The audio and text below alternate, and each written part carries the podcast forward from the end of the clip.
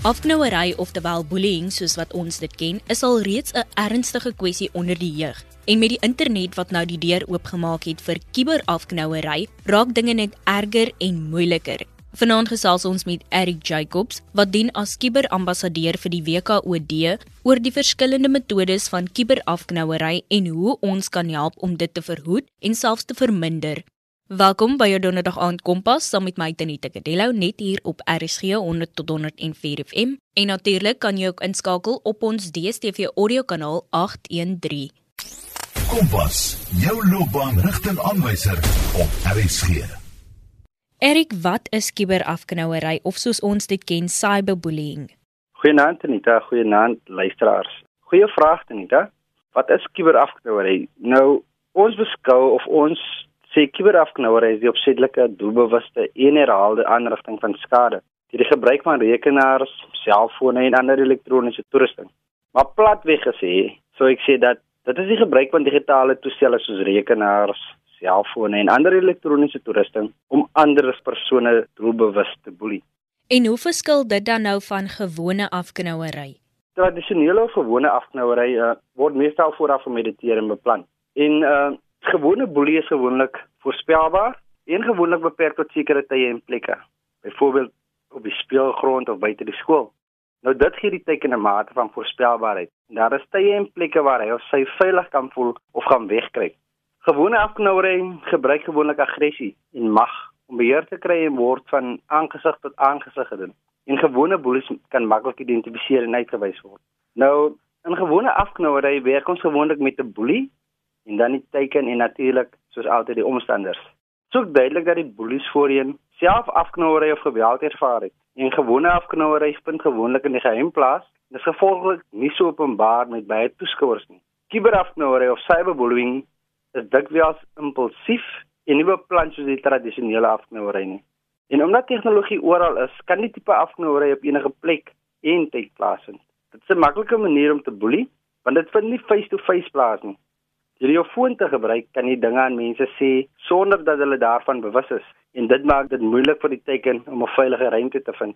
Nou, kiberafknouery kan anoniem wees, wat dit moeilik maak om die boelies te identifiseer.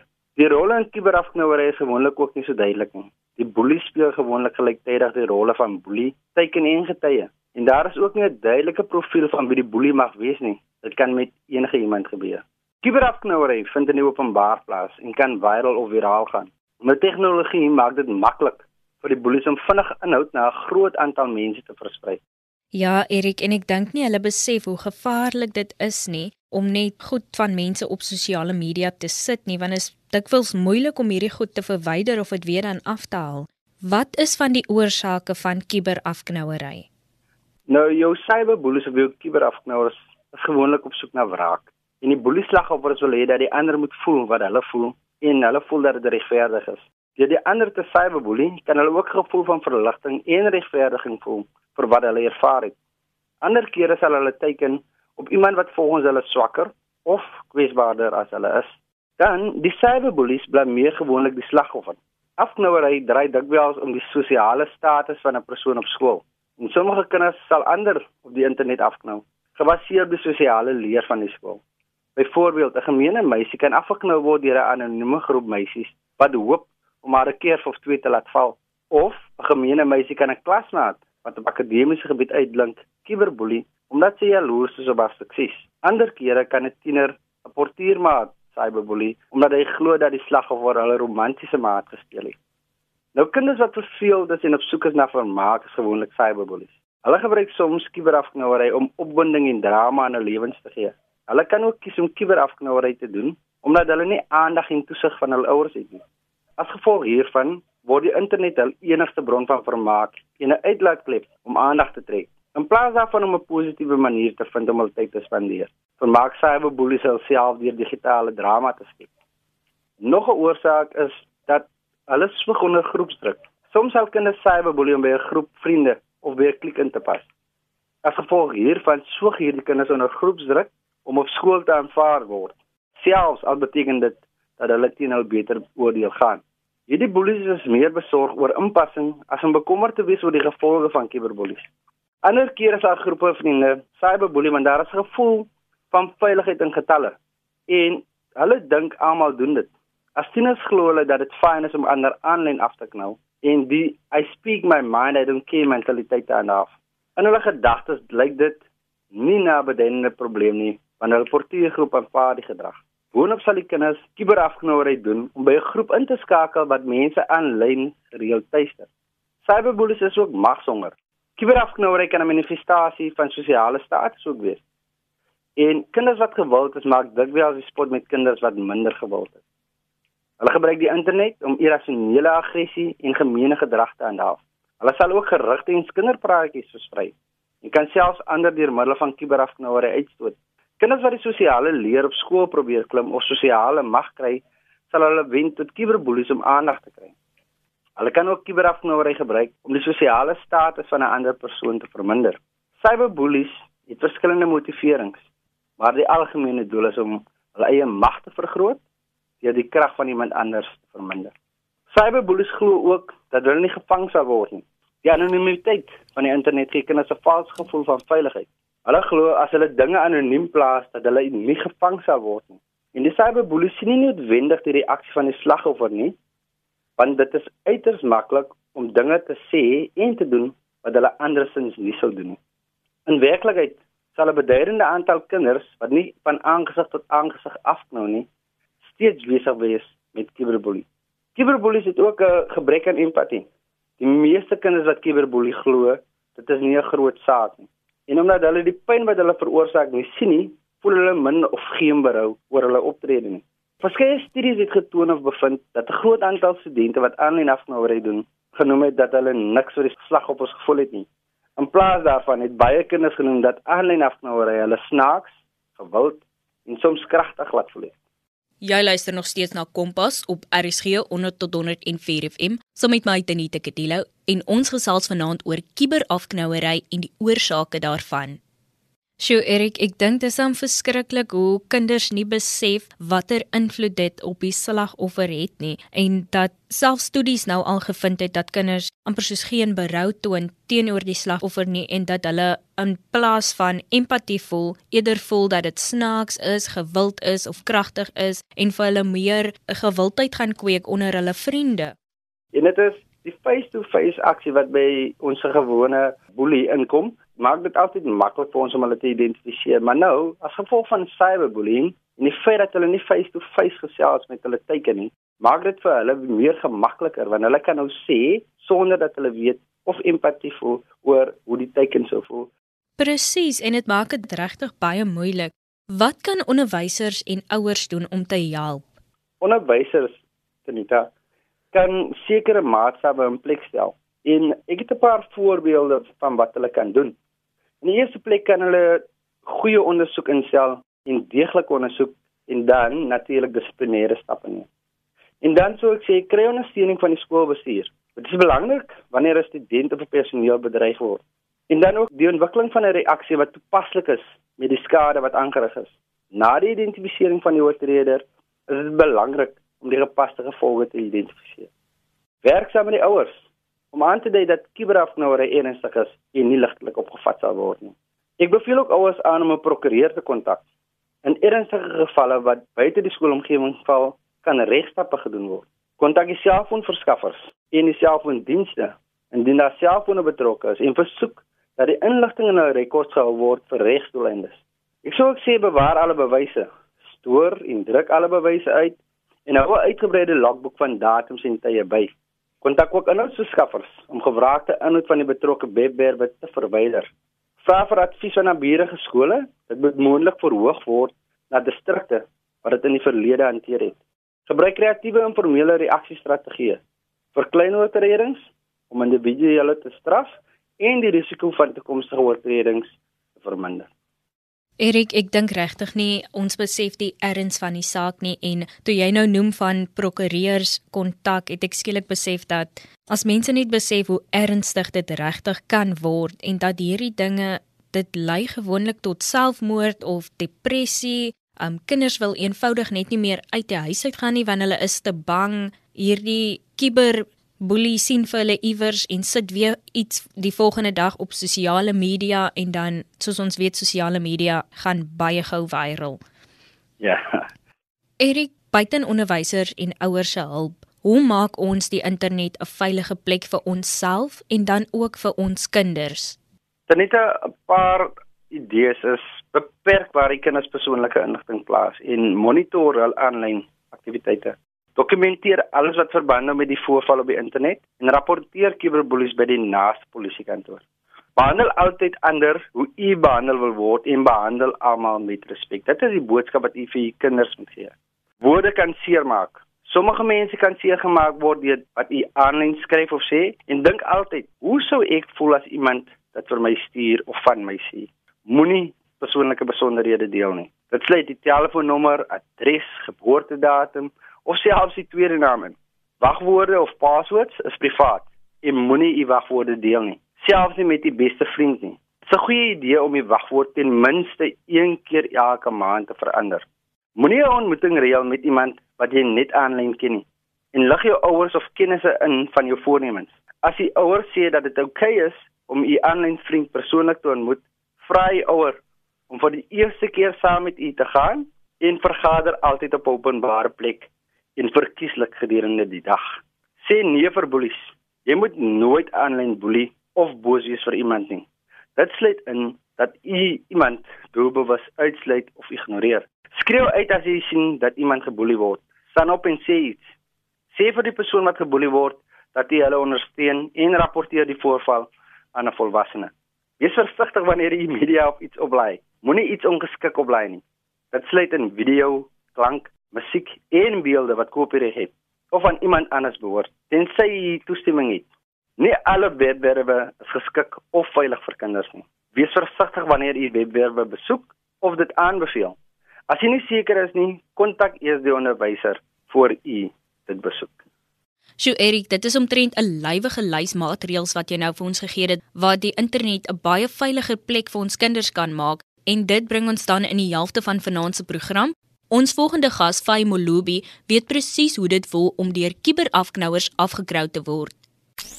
Kompas, jou loopbaanrigtingaanwyser op RSG. Baie dankie dat jy my hier het. Ek is in Hoërskool Vogvol. Ek bly in Vogvol, 'n klein dorpie so nader aan Noordwes in Potchefstroom. Ek is 'n danser, 'n sanger, 'n uh, deel van ons skool se netbalspan. Baie vrolike mensie, die enigste kind hier so by die huis baie lief daarvoor om mense gelukkig te maak. Ek maak tans video's op TikTok en op Instagram net om positiwiteit te versprei in die moeilike tyd wat ons nou is, veral nou met COVID-19 en alles. En ja, dit is ek. En jy is omtrent 'n vrou met vele talente, Fay. en jou videoetjies wat jy nou van praat. Ek het 'n bietjie vir navorsingsdoeleindes het ek bietjie op TikTok gegaan loer na jou video's en dit is altyd vir my so verbasend om te sien hoe mense sê, "Sjoe, maar jy praat so mooi Afrikaans." Ja, dis waar, dis comments wat ek baie gereeld kry op 'n daaglikse basis. En sê gou vir ons luisteraars wat nou nie weet nie, hoekom is dit altyd verbasend vir mense om te hoor dat jy so mooi Afrikaans praat? Omdat ehm um, dit nou nie noodwendig normaal is wel, nie normaal nie, maar ehm um, as 'n swart meisie wat in 'n Afrikaanse dorpie groot geword het, was dit nog altyd vir mense vreemd om my te hoor Afrikaans praat wat nie so met my groot geword het en met my nie ken nie, omdat hulle doodnormaal nie gewoond daaraan was nie. So dis hoekom ek mense van die tyd sulke comments kry en dan is dit alweer 'n storie van verduidelik asseblief want niemand weet wat aangaan hoe dit gebeur is die Afrikaans wat gaan dan met jou ouers en die familie in die huis en ja ja, en mense is mos maar altyd die nuuskierige aggie byt mos maar altyd. Fai, um, jy is op TikTok en ek weet um daar's ook baie keer op TikTok wanneer mense cyberbullying gebruik. Wat sal jy sê dra by tot cyberbullying? Ek kry gereeld negatiewe kommentaar of enigiets negatiefs op my video's.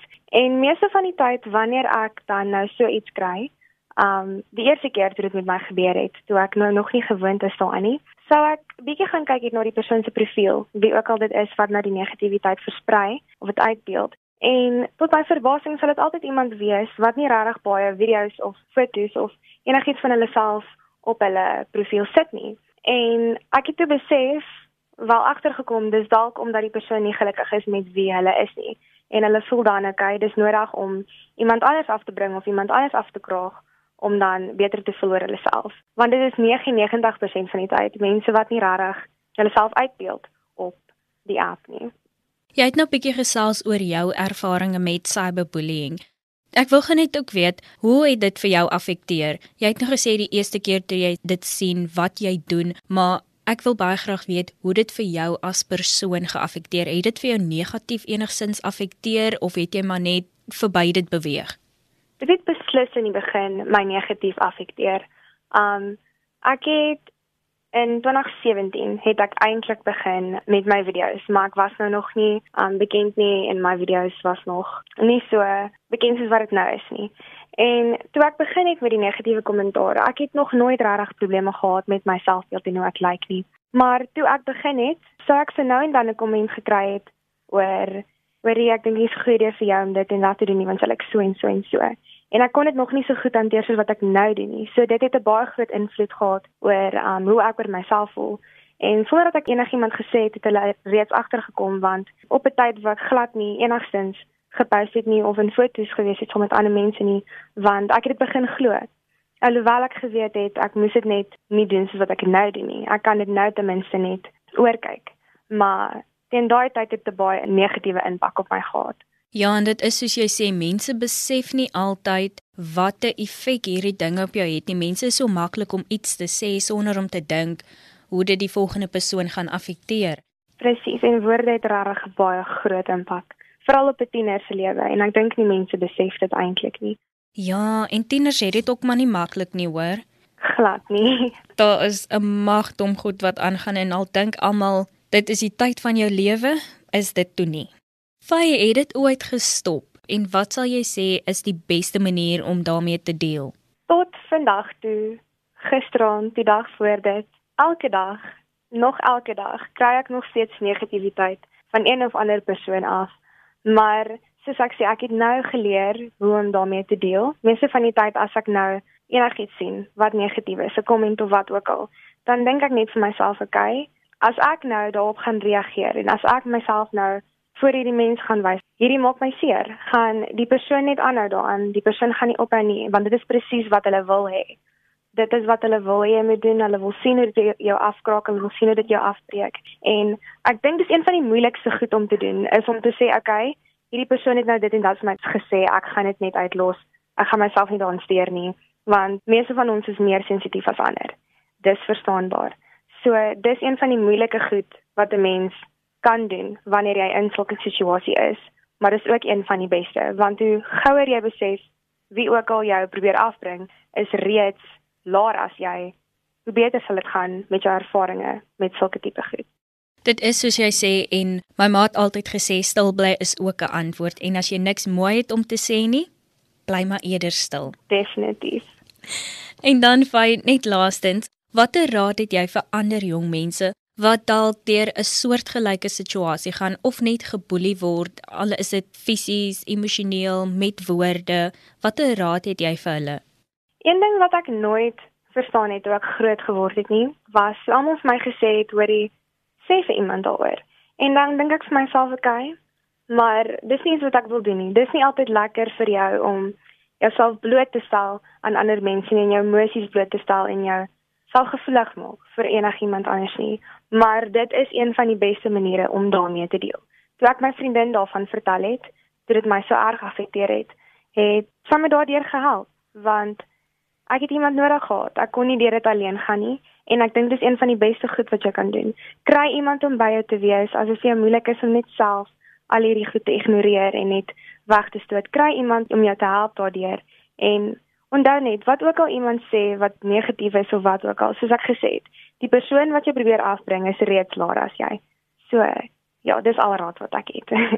so jonk en tog so wys. Baie dankie feit dat jy jou storie met ons gedeel het en dan so ook ander jong mense gehelp het wat in dieselfde situasie sit. Erik Fey het nou een van die vorms of maniere van kiberafknouery aangeraak. Is daar nog ander verskillende metodes van kiberafknouery en wat is hulle? Ja, beslis Anita. Ons het tuistering.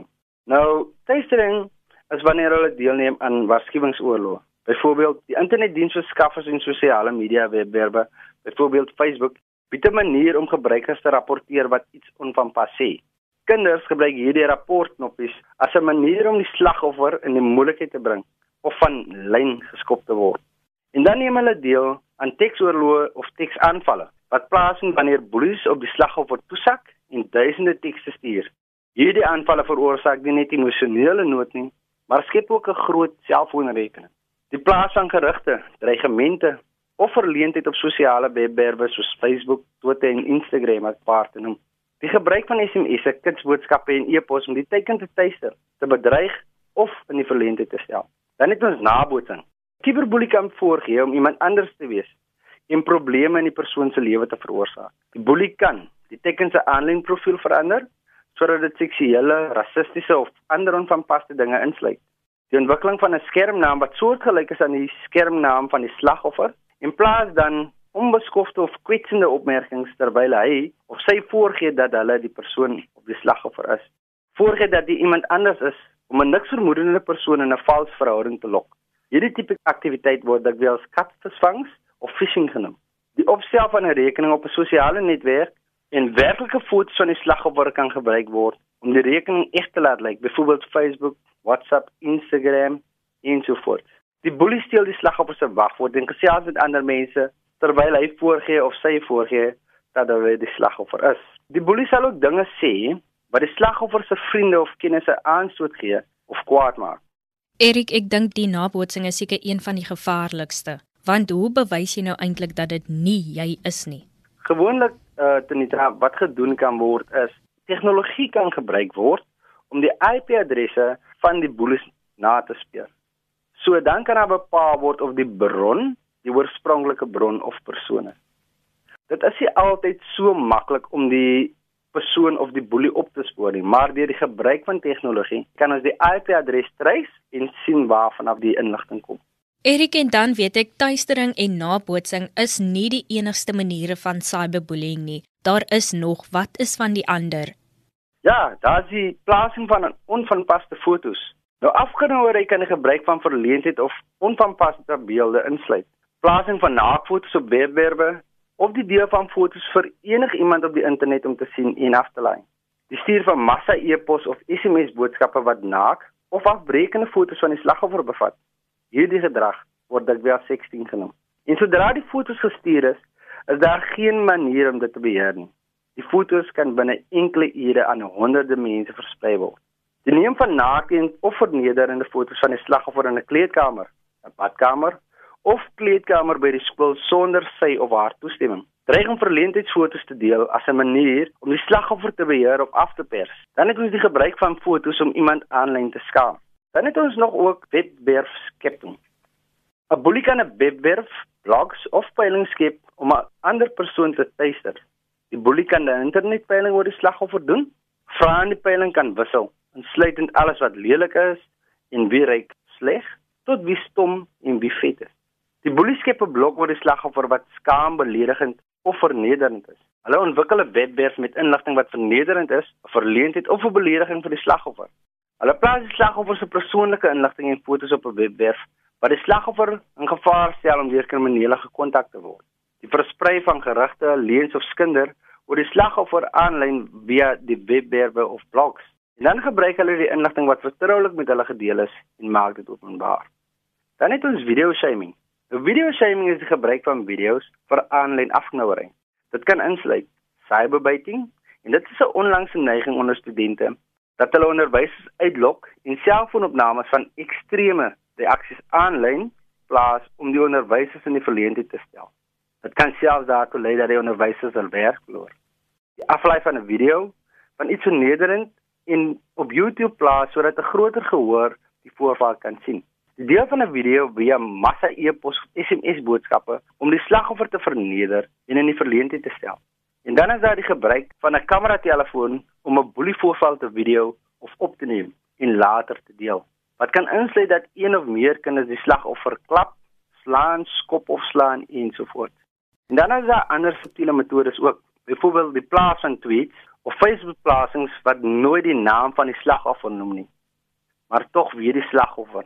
die boelie en dit is 'n groter gehoor na wie die plasings verwys. En dan die gebruik van subtiele plasings en tweets om die gerugte fabriek aan te wakker. Terwyl opsporing deur onderwysers, administrateurs en ouers probeer vermy word.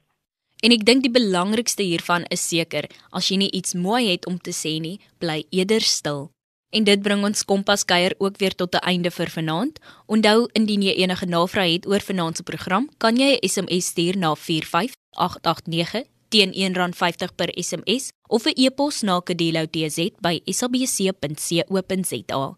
En as jy dan nou moet die kiberruim invaar, stel ek voor jy doen dit vir iets goed, soos om te luister of te kyk na Woza Matrix wat help met jou hersiening. Woza Matrix is hier om te help met matriekhersiening in Oktober en November. Vir 4 uur per dag, 7 dae per week op SABC3 vanaf 8 tot 10 in die oggend en 'n tweede sessie vanaf 1 tot 3 in die middag op OpenView, DStv Ketchup, kan jy na lesse en eksamenwenke kyk of luister vir 10 matriekvakke. Versprei die nuus, help 'n matrikulant met vleiende vandelslag. Dis Hosa Matrix aan jou gebring deur die departement van basiese onderwys en vennote. En daarmee groet ons dan vanaand. Kompas word aan jou gebring in samewerking met SABC Opvoedkunde en Percy Mogale was ons regisseur. Tot volgende week van my Tenita Kadello. Doodles.